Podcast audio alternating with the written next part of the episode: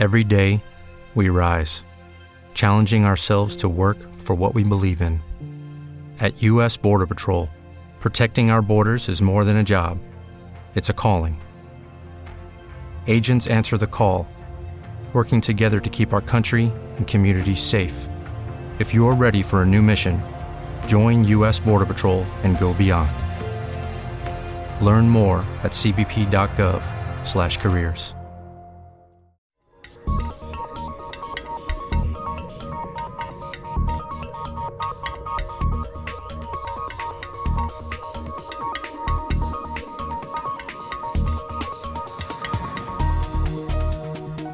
moi boas tardes. Un saúdo de César Goldi e de Manuel Vicente. Somos o equipo de Efervesciencia.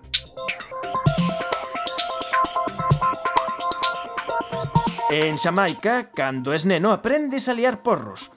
Todo mundo proba a marihuana. Eu tamén o fixen cando era neno. Estas son unhas declaracións de Usain Bolt, o home máis rápido do mundo. E non só en Xamaica. Segundo a Organización Mundial da Saúde, os adolescentes españois son os que consumen máis cannabis entre os países europeos. O ano pasado iniciáronse no consumo do cannabis 146.000 estudantes de 14 a 18 anos, 53.000 deles con consumo problemático. Un de cada catro o teñen consumido nalgúnha ocasión o último ano.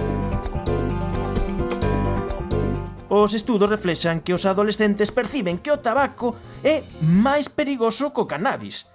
Deste xeito, habemos coñecer unha investigación con mozos galegos na que se constata que son máis os mozos que se inician no consumo dos porros ca do tabaco só.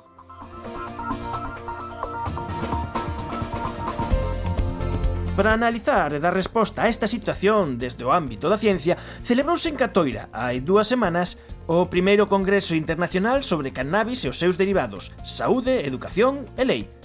E ali levamos os nosos micros para realizar este especial Benvidos á Efervesciencia. Hai outros mundos, pero están neste. Efervesciencia. Doses de ciencias en contraindicacións. Patrocinado pola FECIT, Fundación Española para a Ciencia e a Tecnoloxía, Ministerio de Economía, Industria e Competitividade. unha colaboración da Universidade de Santiago e a Radio Galega.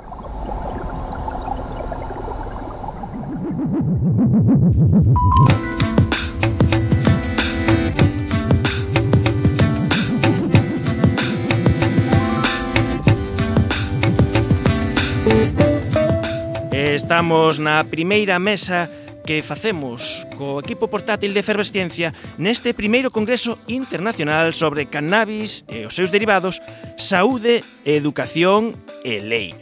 Neste encontro andaba a contar Víctor Villanueva que é importante facer ciencia sobre o consumo. Non se pode previr se non temos datos validados na ciencia. Víctor Villanueva, moi boas tardes. Boas tardes ti estiveches moitos anos aquí investigando en Galicia. De feito, é onde fixestes a túa tese de doutoramento. Así es.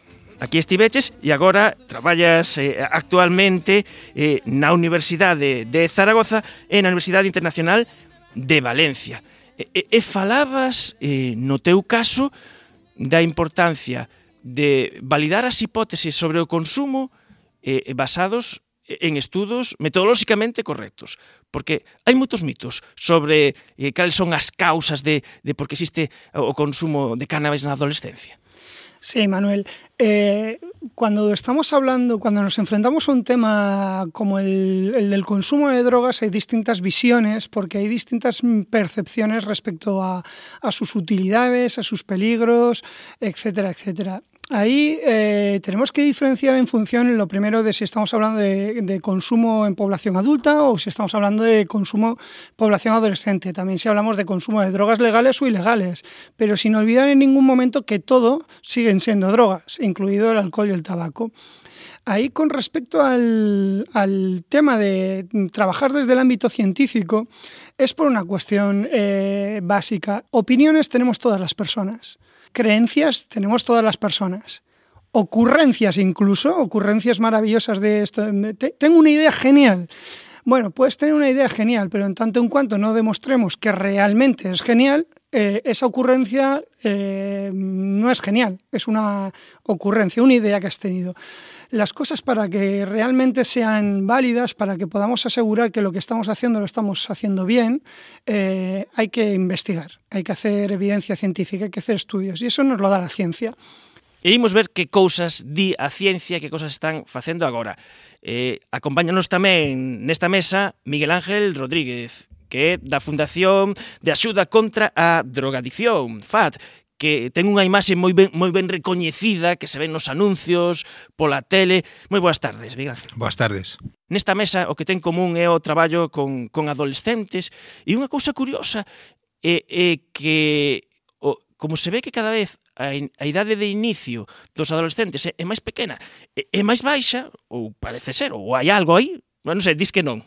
Mm. Eu non. No, los datos non nos dicen eso. Non nos dicen eso, vale, no. entonces interpretei mal. Pero sigue importante estudar xa en preadolescentes, xa con rapaces de 12, 13 anos. Sí, eh, en los últimos años eh, existe una mayor presencia de consumo desde edades algo más inferiores, pero la media, lo que es la media, estoy pensando básicamente en las sustancias más conocidas y particularmente el alcohol, que es como un mito, todo el mundo dice el consumo de alcohol cada vez es a edades más tempranas, a edad media a nivel español no es así, baja una décima, baja dos, son en los últimos 20 años diría, son de, reducciones o aumentos muy poco significativos, se mantiene estable, pero es la edad media, evidentemente, ¿no?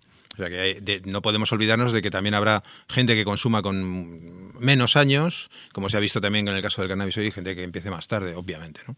Este sería a nivel nacional e logo tamén interesante ter datos galegos eh, sobre esa parte, polo menos, un estudio sobre as provincias con adolescentes galegos nas provincias de Pontevedra e Coruña foi responsable Sandra Golpe, que é do grupo SICON da Universidade de Santiago de Compostela. Moi boas tardes. Boas tardes. Eh, vos no voso caso analizastes eh, a escolares galegos intentando ver cal era o patrón de risco e eh, as variables que, que nos podían explicar ese risco. Así intentamos, bueno, pois pues analizar cales eran os niveis de os niveis de consumo das distintas sustancias, entre elas do mm, do alcohol, do tabaco e tamén do cannabis. Tamén analizamos cal era o patrón de consumo, algunhas das posibles implicacións e cales poderían ser algunhas das variables asociadas, variables que explicarían por que os adolescentes eh, se inician ou por que os adolescentes eh, consumen estas sustancias, sempre dentro das provincias de Coruña e Pontevedra. O que se viu é pois, eh, un pouco que registra a tendencia a nivel estatal e que a principal sustancia psicoactiva máis consumida entre os adolescentes sigue sendo o alcohol, sigue do tabaco e do, e do cannabis.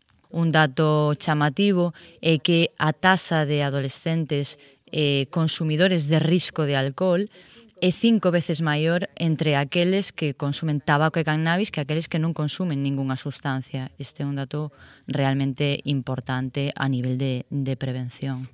Porque aí falabas do, do consumo, por exemplo, consunto de cannabis e tabaco. Nos establecimos tres grupos un grupo de adolescentes que non consumía nin tabaco nin cannabis, un grupo que solamente consumía tabaco e outro que incorporaba o consumo de cannabis ou de tabaco. Eu sei que, eh, sen dúbida, a porcentaxe de adolescentes que no último ano consumiron alcohol, que fixeron un consumo intensivo, que consumiron outras drogas ilegais, era maior entre aqueles que consumen tabaco e cannabis que aqueles que non consumen nada ou que só consumen tabaco. Uh -huh. Incluso o dato de que era un poquinho máis eh, dese porcentaxe de adolescentes que son Eh, consumidores os que consumían tabaco e cannabis que só tabaco.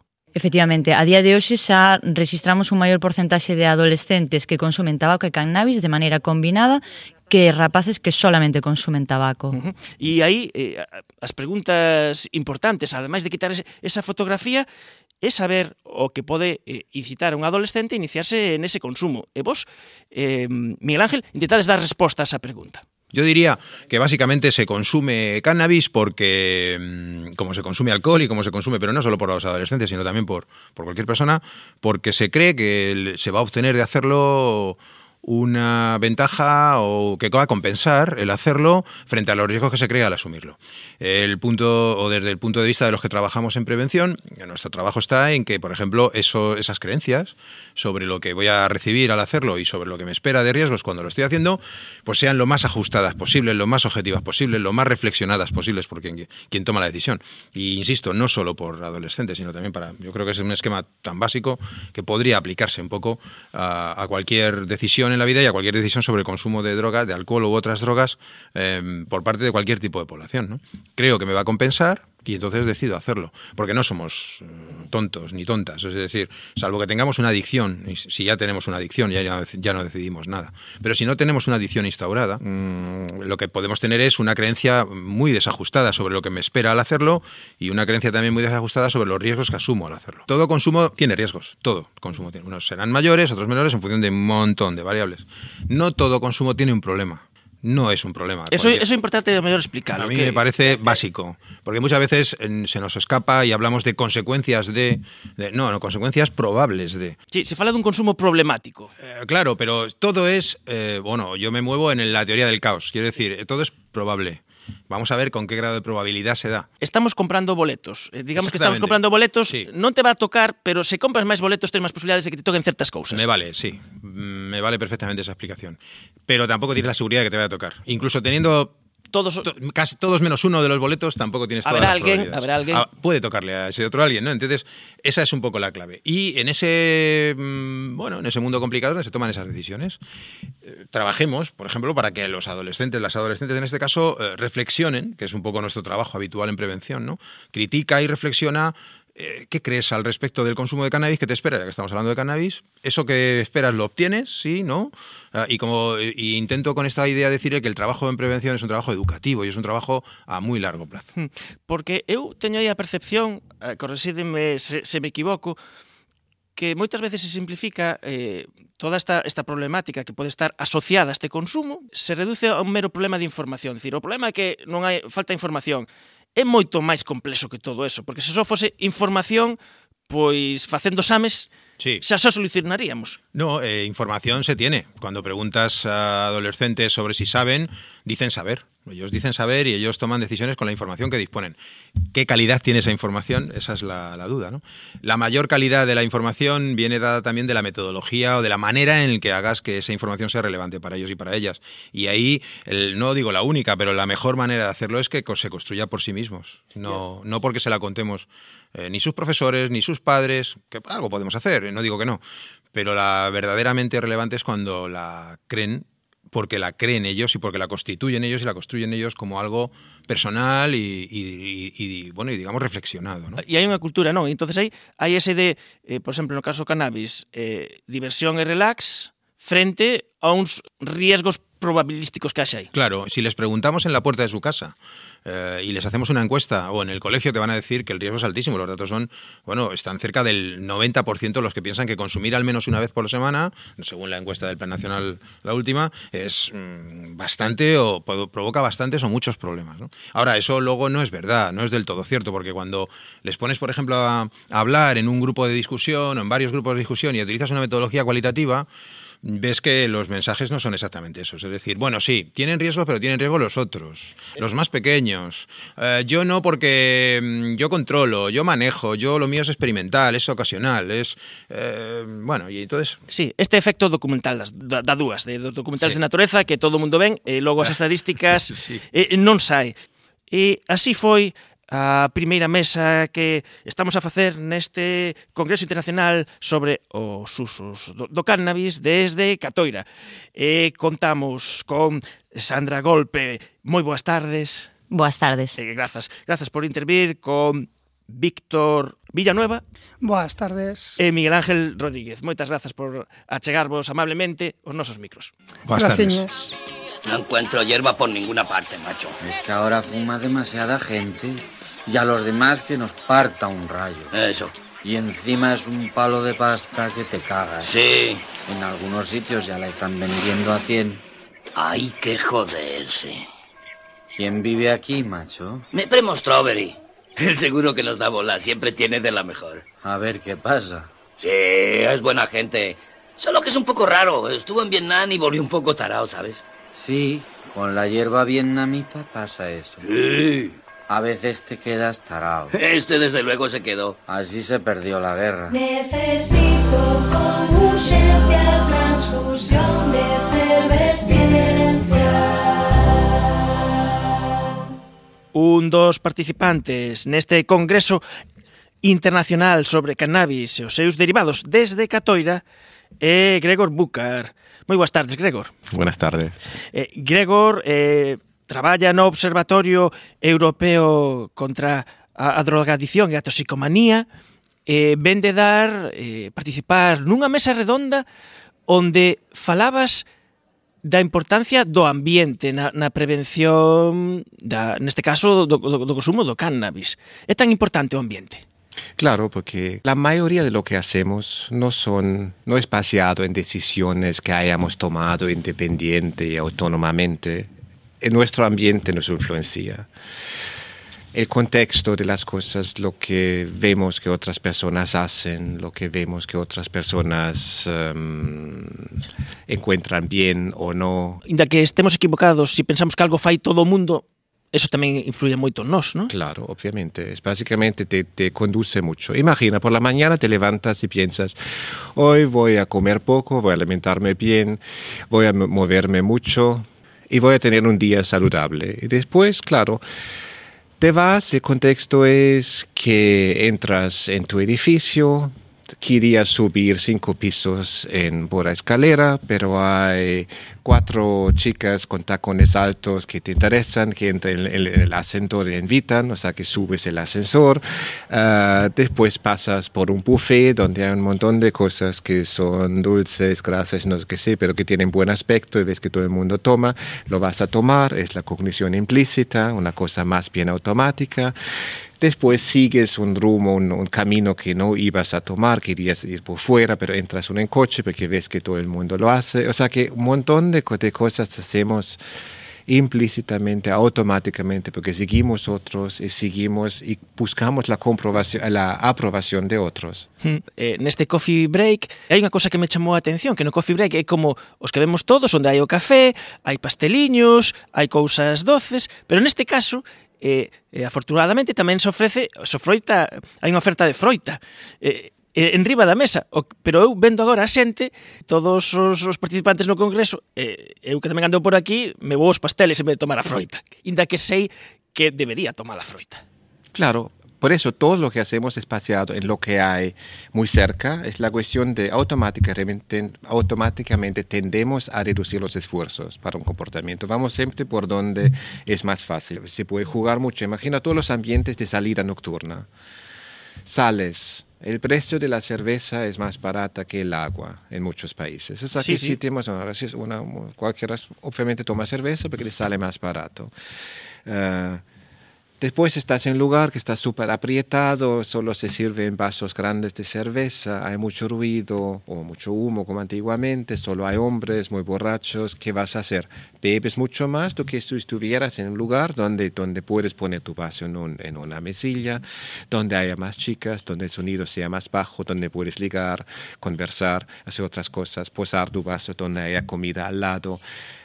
Estas son todas esas variables conducen tu comportamiento sin que te des cuenta. Hay muchos estudios cualitativos que dicen que los jóvenes sí que dicen que su forma de consumir es para llegar exactamente al punto donde se lo pasan bien, pero son ilusiones porque recién salió en otro estudio bien bonito que realmente comprobó un fin de semana, dos fines de semana después cuánto han realmente bebido. Era mucho más de lo que era su intención. Y eso es, todo se explica por factores meramente contextuales. Y con esas cosas hay que jugar mucho. La gente se ve solo todo en dicotomías de, de prohibición ou liberalización. Ou sea que se está habendo, ou por menos neste congreso percibo, que eh, se están facendo moitos esforzos, están poñendo moitos esforzos e que se, debe ser, ser así no tema da educación e que agora, ademais da educación, hai que ollar un pouco a disponibilidade, a visibilidade, a, a, a imaxe do, do, do consumo do cannabis. E mesmo ti falabas que, por exemplo, do importante que sería que nos locales de ocio houvese unha responsabilidade neste aspecto e que eso se primera se, se chegase a sancionar os locales que colaboran ou non colaboran. Exacto, eso es eh, en España es raro excepto por Cataluña, pero en muchos países, sobre todo Inglaterra, en los países nórdicos, tu licencia se revé, se, se, controla todos los años y tipo ahí ve cuál es el, el, nivel de ruido, las formas de servir, si el personal de servir tiene formación, tiene realmente formación en no servir a, a borrachos, donde no entra gente colocada, donde hay control en las calles y donde entonces los propios donde la propia industria se sienta en la misma mesa y se ven las mejores formas que garantizan un comercio fértil y al mismo tiempo un, un, ocio seguro. Y eso incluso funciona en Suiza, que es un país bastante, digamos, poco regulador. El propio, la, industria, la propia industria tiene interés en no liarse con los vecinos, en no liarse con, le, con el municipio y colabora porque en es en el mutuo interés de, de los dos. O sea que no digo que eso es una cosa completamente antiplacer, pero hay la prevención ambiental consigue hacer una prevención hedonista, maximizar el placer y reducir los daños. E eu coido que decías unha frase moi contundente sobre o tema da dos usos e dos costumes e de, de cales temos o código de que se poden facer en público ou non e, de, e decías que cagar é legal, pero depende donde, ¿no? Exacto. O sea que hay un montón de cosas que son legales, como hacer sexo, cagar, etcétera, pero todo el mundo asume que haciéndolo en público implica una multa pesada. Y así son varias actividades legales que no lo haces en público, sobre todo cuando hay niños. Por ejemplo, en muchos países se, se dice cuando hay un semáforo en rojo para los pedestres, o más que no venga ningún coche, pero hay un niño, no atraviesas, ¿no? Para no dar un mal ejemplo a los niños. En Alemania todos los adultos son educados así. Y de la misma forma, o sea que hay varias formas de regulación que no son la prohibición en el sentido clásico, donde se pune un comportamiento irrespectivo donde acontece, pero controlas la vida pública y siempre lo hemos hecho y nadie lo ha llamado prohibición. No creo que a alguien se le ocurría llamar prohibición que hoy en día no escupes más en un tranvía o en un bus público. Esa gente le daría repulso, pero hace unos tiempos era, norm era normal, frecuente y se ponía Sí, carteles y para había hacerlo. carteles, había carteles entrando a edificios públicos que ponía prohibido escupir chavos. Exacto, y eso, son, eso se llama el proceso de civilización. O sea, que a medida que las situaciones, que las sociedades se tornan más complexas y necesitas que ciertos comportamientos vuelvan o entren en el privado, sin que sean por sí mismos ilegales. Eso es lo importante, porque la educación tiene muchos límites. Y el, tal vez el hecho que hayamos invertido tanto en la educación haya hecho mm, grandes desigualdades en los resultados. Por ejemplo, hoy en día, los que fuman hoy en día todavía y, y los obesos hoy en día pertenecen más bien a las clases bajas. Porque si pasas en, lo, en la, todo en la educación, te informo, tú tienes que responsabilizarte y portarte conformemente, conforme a esas, in, a esas informaciones, hace con que la gente que tiene menos recursos cognitivos y comportamentales no lo consigue y concentras todos los problemas en las clases con menos recursos. Porque la educación sirve mucho para mí, porque yo sé muy bien leer lo que está escrito en pequeño, analizar los datos atrás, saber que la mayoría de lo que la industria promete es mentira, tanto la industria del cannabis como la industria del alcohol o la de la, de la alimentación, la mayoría es incorrecto, son falacias, son mitos. Yo lo sé analizar porque sé mejor, porque todo el resto de la población no consigue. Entonces, y con mera educación no quitas esas cosas de una buena parte de la población. La educación tiene límites y tiene límites en mí también. Porque yo cuando abro una tabla de chocolate me la como entera, lo que dije. La única forma para reducir esa impulsividad es simplemente no tener chocolate en casa cuando no quiero comerlo. Eh, eh, Gregor, eh, xa non temos así máis tempo, eh, ten que seguir eh, este congreso. Moitas grazas polo traballo que facedes desde ese observatorio contra a drogadicción e as toxicomanías, eh, Observatorio Europeo, que estades en Lisboa. Está en Lisboa, sí. Y cubrimos todos los 30 estados, o sea que 28 estados de la Unión Europea y Turquía y Noruega. Y de ahí vienen todos los datos. Por eso sé lo que acontece en la, en la Unión Europea sobre prevención, en cuestiones de prevención. Pois moitas grazas, moito obrigado. Gracias a vos. Continuamos no primeiro Congreso Internacional sobre Cannabis e os seus derivados, saúde, educación e lei. Me parece que estás buscando algo para calmar la ansiedad. Eh, ¿Te puedes medicar ahora? Colocarme, sí, supongo. Pensé que quizá esperaría hasta esta noche cuando mi marido y los niños duerman. Oh, María, no fumarás cannabis para alejarte de tu familia, sino para alterar tu percepción de ello.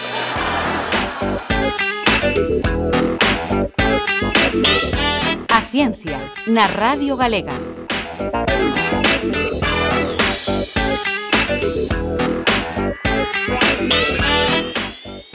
E costounos, costounos moito eh, conseguir traer a nosa mesa o organizador de todo este primeiro Congreso Internacional en Catoira. Manuel Sorna, como está indo o Congreso?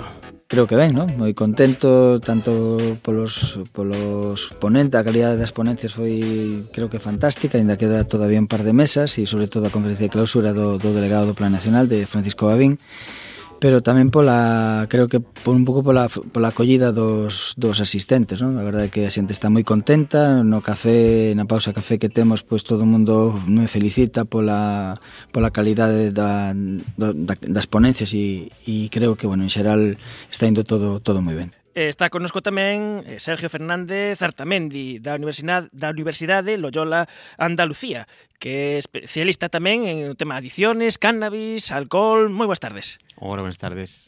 Manuel Sorna, aproveitaches eh, a túa mesa redonda para poñer casos flagantes de publicidade totalmente enganosa eh, de, de páxinas que, que venden sementes que venden sementes de, de cannabis anunciando unha serie de propiedades que non é que non estean demostradas, é que está demostradas que non son. E, e ti facías o chamamento a decir que isto é publicidade enganosa. Se non se pode facer para outras cousas, tampouco se pode facer para isto ou vender sementes eh, de, dicindo que son para coleccionismo, por exemplo. Totalmente de acordo. É dicir, a, o que nos estamos encontrando en este momento é que a nivel legislativo, por exemplo, non se prohi, está prohibido a publicidade de tabaco, pero, sin embargo, está permitido a publicidade de todo relacionado co, co cannabis. Non? Con, e o que nos podemos encontrar é con verdadeiras barbaridades. E digo barbaridades ou verdadeiras falsas promesas con respecto a unha sustancia que se lle atribuye propiedades, por exemplo, nada máis e nada menos, que curativas do cáncer, da artrosis, da esclerosis, do glaucoma, da epilepsia e cando realmente nos vamos a, a ver a realidade é totalmente o contrario, non? É dicir, hai, hai estudios, moitas investigacións a nivel terapéutico e como moito, como moito está demostrado que ten beneficios terapéuticos para tres. Unha é a esclerosis múltiple, é dicir, realmente sabemos que un dos componentes ou dous dos componentes da cannabis, o THC e o CBD, unidos a outros principios, a outras sustancias, pois o que fan é que reducen a espasticidade muscular das persoas que teñen esclerosis múltiple. Hai outra propiedade terapéutica que é para as persoas que teñen sida para que, para que lle aumente o apetito e unha terceira eh, eh, vía terapéutica está para reducir os vómitos das persoas que teñen que teñen náuseas eh, debido á quimioterapia terapia. Pero eso que fai é reducir os síntomas da, da en este caso dos, dos efectos secundarios da medicación, pero non cura absolutamente nada, non? Sin embargo, nos, nos diriximos ás webs e aos foros de, deba, de que teñen que teñen as casas comerciales porque realmente pertenecen a franquicias. Hai unha industria. Totalmente. Unha industria que está se estima que factura 62.000 millóns de dólares ao ano, non? 62.000 millóns de dólares ao ano. Ese realmente e con eso pois dominando como dominan Internet, é dicir, tendo en conta que Internet é o seu, é o seu campo, é o campo onde se dirixen os xóvenes e, e evidentemente teño, levamos 15 anos prácticamente de brazos cruzados. E iso calou na sociedade, porque moitos dos, dos ointes deste programa pois pensarán que fumar, eh, incluso que é mellor fumar marihuana ou fumar cannabis que fumar cigarrillos, non? O cal é totalmente, totalmente eh, irreal e totalmente falso. Estamos eh, rodeados de, de mitos, de mal información, información tendenciosa, eso ten influencia a hora de, de o acceso, o neste caso cannabis. Claro, creo que tiene influencia en, en, el acceso y tiene influencia un poco en la percepción también de, de riesgo que comentaba ahora eh, Manuel. La percepción de riesgo si uno, si la sociedad recibe el mensaje permanentemente de que el cannabis cura el cáncer, cura, cura, lo cura todo, porque prácticamente a veces el Internet parece que lo cura todo, eso genera una percepción en la población que cala muchas veces en los jóvenes que, llegan a creer que el cannabis no puede ser tan malo cuando permanentemente están oyendo que cura el cáncer. ¿no? Y obviamente a los investigadores nos cuesta mucho trabajo e investigación ver qué es lo que hace y no hace cada componente específico y entender muy bien los mensajes científicos que son muy complejos como para que la gente reciba mensajes tan simplistas, tan complejos y tan peligrosos que altera mucho la, la percepción de riesgo y la sensación de seguridad y de que efectivamente se, se altera mucho el debate. ¿no? Debería informarse a sociedade. sociedad. Es os esos medios de comunicación tienen que decir que las probabilidades de eh, ser consumidor de cannabis, de ter esquizofrenia, depende da nosa xenética e que hai a xente a que non lle fai Eh, non lle afecta, pero se tes determinada variante xenética, tes un risco moi amplio, moitos boletos de ter unha esquizofrenia ou de ter unha psicose. Eh, e dicías, eso teñen que contar os medios. Bueno, pois contémolo logo. Pois sí, é verdade que por suerte temos contamos ca colaboración de tanto da, do teu programa como incluso se tamén estuvemos na, na televisión de Galicia no programa Revista e moitísimos medios de comunicación que nos chamaron Pero isto creo que vai ser un pouco como os Xogos Olímpicos, non? Dos deportes minoritarios, só salen cando se celebran os Xogos Olímpicos e logo desaparece isto. Por eh. desgracia, o consumo de cannabis é diario, por desgracia, esta industria está todos os días a pé de cañón creando novas formas de venta e de, e de distribución e os medios de comunicación tiña, hai moito, moito traballo que facer. Como acabas de decir, é certo que hai unha vulnerabilidade xenética, cada xa está estudiada, xa se conoce, cada vez se vai ir traballando máis en esta línea, pero tamén hai outro tipo de variables que xa se queres un gran científico, pero que tamén outro tipo de variables, por exemplo, de carácter máis biográfico, que determina que unha persona consuma, non? Per rapaces que teñen máis problemas de ansiedade, eh, Sergio especializa en ese tema, personas que eh, adolescentes e maiores, eh, adultos que teñen unha certa predisposición á depresión, persoas que teñen un ocio de que viven un ocio de o seu tempo de ocio como aburrimento, pois suelen ser máis propensos a desarrollar e sobre todo variables de tipo familiar, é dicir, a que hora chega o seu fillo a casa, canto máis tarde, máis probabilidades é de que consuma. Eh, si participa ou non participa no botellón, con, car eu, eu con cartos curiosa, casa sale. A, que, que había unha, unhas enquisas destas de eh, a que hora, eh, se, se, canto, se se cea familiarmente, se hai esa, ese arroupamento, que todo influe, que todo eh, o papel da familia aí é fundamental. Claro, non todo é xenética, eh? non, non, por eso che decía que non todo é xenética. Bueno, pero hai que contar todo, hai que contar as dúas todos, partes da, eh, da Pero hai outras variables moito máis fáciles de manejar, porque a xenética, ao fin, ao fin e ao cabo, como acabas de decir, si tes, entre comillas, a mala suerte de ter determinada carga xenética, pois, pues, e como, como consumas cannabis, sobre todo na adolescencia, as probabilidades de desarrollar unha esquizofrenia unha psicosis se multiplican por sete, ¿no? eso está claramente. Pero, repito, hai outras, outro tipo de variables que sí son máis máis fáciles de manipular, porque eu non podo eu non podo modificar, por exemplo, a clase social a que pertenezco, non? É dicir, variables sociodemográficas é imposible, pero sí podo variar aquelas eh, de carácter máis biográfico ou máis psicolóxico, non? Por exemplo, a autoestima, é dicir, se eu teño un neno que non fai deporte, que non participa, que está todo o día na casa encerrado, teño que saber como pai ou como nai ou como docente que este neno ten máis probabilidades non de consumir solo cannabis, sino outro tipo de drogas. Se o meu fillo está todo o día na casa e vemos que non que non participa en actividades, que o tempo de seu aburrimento, que ademais é unha persona persona sumisa que se deixa influenciar moito polo grupo é máis probable que consuma. E esas sí son variables que os pais e os docentes debemos conocer e debemos e debemos eh, intentar reducir e, e xustamente o contrario, aumentar os factores de protección, que tamén é ciencia e tamén se conoce. Y, eh, únicamente está escuchando a, a Manuel pensando que estoy totalmente de acuerdo con que además la prevención, ya hay mucha investigación en prevención y desgraciadamente la prevención es siempre la olvidada en el contexto de las drogas, porque hay programas de, de, prevención muy eficaces, con buenos resultados, pero que muchas veces por falta de, de, recursos públicos, por un lado, de, a veces de falta de personal que lo pueda aplicar, y lleva a que no se apliquen adecuadamente, pero son programas de prevención que trabajan precisamente esas variables. Prevención familiar, porque hay muchas variables relacionadas con la familia que influyen eh, significativamente en, la, en, el consumo de, los hijos años después. El, eh, algunas de las que comentaba Manuel, la, la, monitorización, el hecho de que los padres sepan a dónde va o dónde no va su hijo, que hablen con ellos, que puedan tener una comunicación fluida, que haya una relación de apego, que haya una relación de confianza, que haya un apoyo en los estudios, una serie de variables de protección que lo que hacen es facilitar eh, factores de protección que hacen menos probable que el, chaval pueda consumir, igual que hay una serie de factores de riesgo que hay que evitar, ¿no? de patrones de comunicación negativos, eh, falta de, relación afectiva, etc. ¿no? Es decir, una, amplia, una amplia gama de factores que se trabajan desde prevención que hacen que efectivamente son factores que pueden modificar la gente eh, pues, acudiendo a programas de prevención familiar y desde las instituciones implementando tanto programas de prevención familiar como prevención educativa en diferentes contextos. ¿no?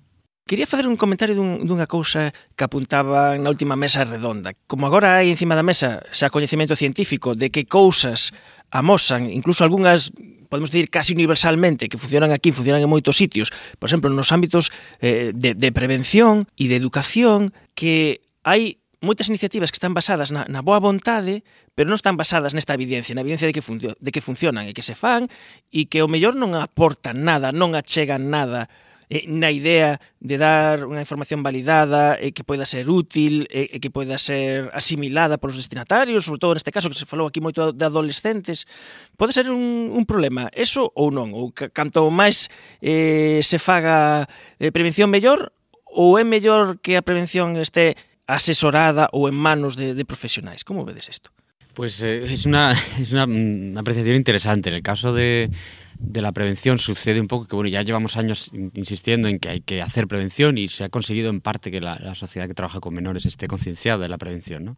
Y el paso siguiente que nos falta es concienciarles de una prevención basada en la evidencia, que ahora mismo a veces sucede un poco lo que llamamos pseudoprevención, que es que a veces eh, hay mucha gente implicada en hacer prevención y hay mucha gente que quiere hacer prevención, quiere hacer algo en un colegio, quiere hacer algo y muchas veces mmm, la prevención requiere una formación y requiere un programa que efectivamente haya demostrado que, que funciona, porque si no podemos estar no necesariamente perdiendo el tiempo, pero no aprovechándolo tanto como podríamos. ¿no? Gastando recursos.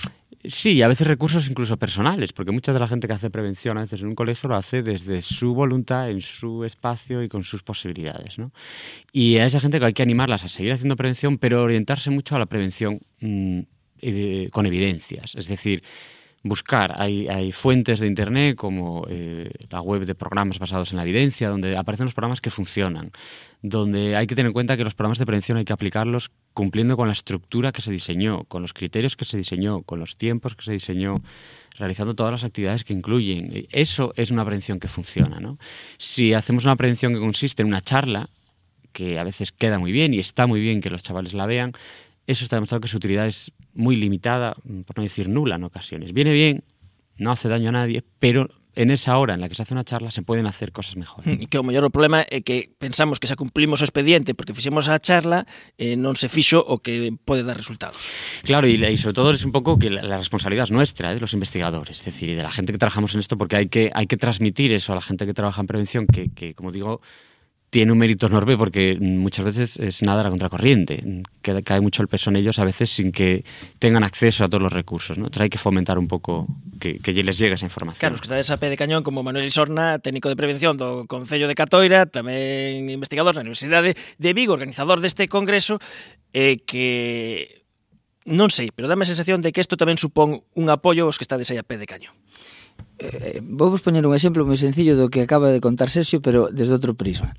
Ti imagínate que te queres poñer en forma. Entonces queres preparar un correr un maratón o que sea. Entonces hai un programa que che din que tes que entrenar, imagínate 15 semanas. Pero desas 15 semanas, 5 non che veñen ben. Entonces, en vez de 15 entrenas 10. Pero claro, esas 10 tampouco podes facelas como, como non che gustan determinadas partes do entrenamento, sobre todo a parte onde hai que sufrir, tamén as sacas. Entonces, ao final, ti crees, estarás capacitado para correr ese maratón. No, no, no. Pois isto pasa ca programa, un pouco que acaba de dicir Sergio que está pasando ca prevención, non? É dicir, realmente hai programas efectivos, eficaces, pero que o profesor o, e logo claro, imagínate que ademais de entrenarte un entrenador profesional que, que ten coñecementos de fisioloxía, de anatomía, de técnica tal, te entrenas a ti mismo, non? Pois isto que está pasando ca prevención, non? Nos encontramos con que Hai programas realmente efectivos con a serie de componentes, pero que o profesorado di que son moitas sesións, que como vamos a traballar tantas sesións de prevención de drogas.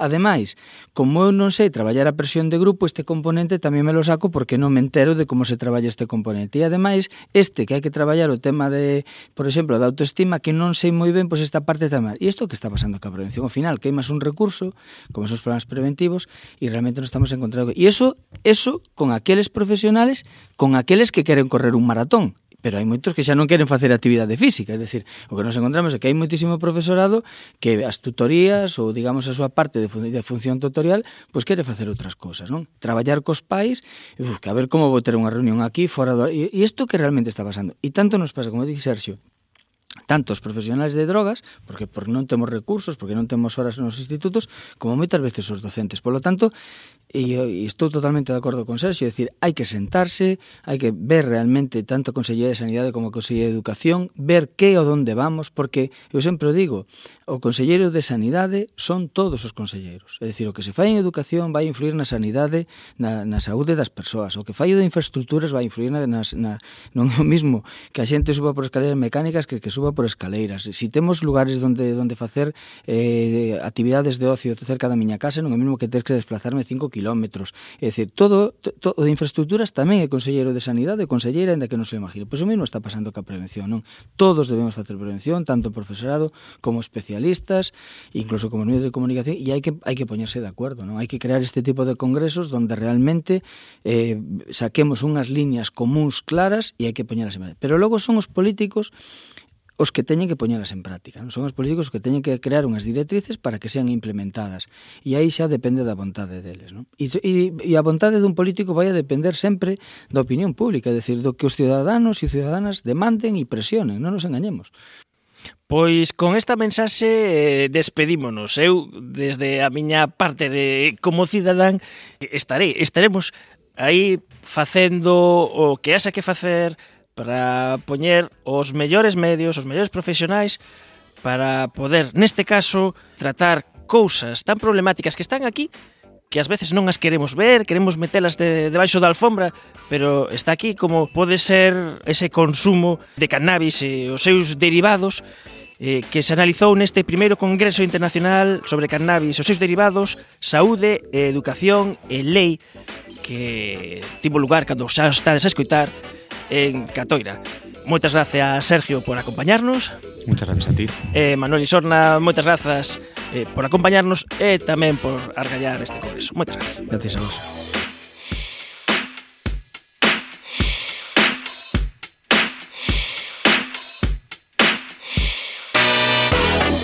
Efervesciencia. Patrocinado pola FECIT, Fundación Española para Ciencia e a Tecnoloxía, Ministerio de Economía, Industria e Competitividade, unha colaboración da Universidade de Santiago e a Radio Galega.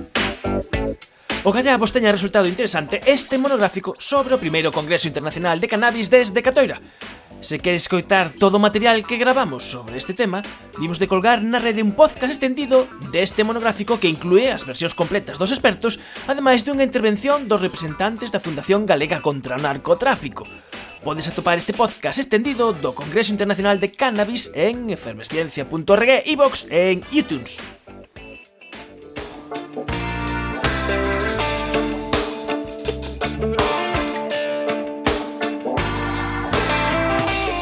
As 4 a empezar o apaixoante Lugo Leonesa, así que despedímonos un chisco antes do habitual para dar paso aos nosos compañeiros do Galicia en Goles.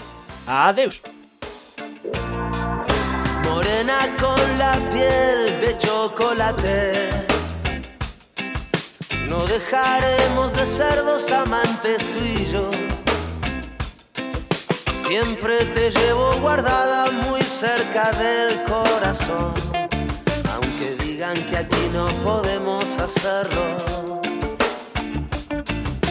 Dicen que aquí no podemos hacerlo. Nunca quise apurarte y que te quemes mal. Mis dedos solo sirven para tocarte a ti. Un beso, otro beso y la pena se va con el humo. Y dicen que aquí no podemos hacerlo que sé cómo hacer para resistir al tiempo. Sé cómo hacer para olvidar el dolor. Pero si dicen aquí no puedo, no creo que encuentre un motivo bueno. Si dicen que aquí no podemos hacerlo. Voy a volver a los viejos lugares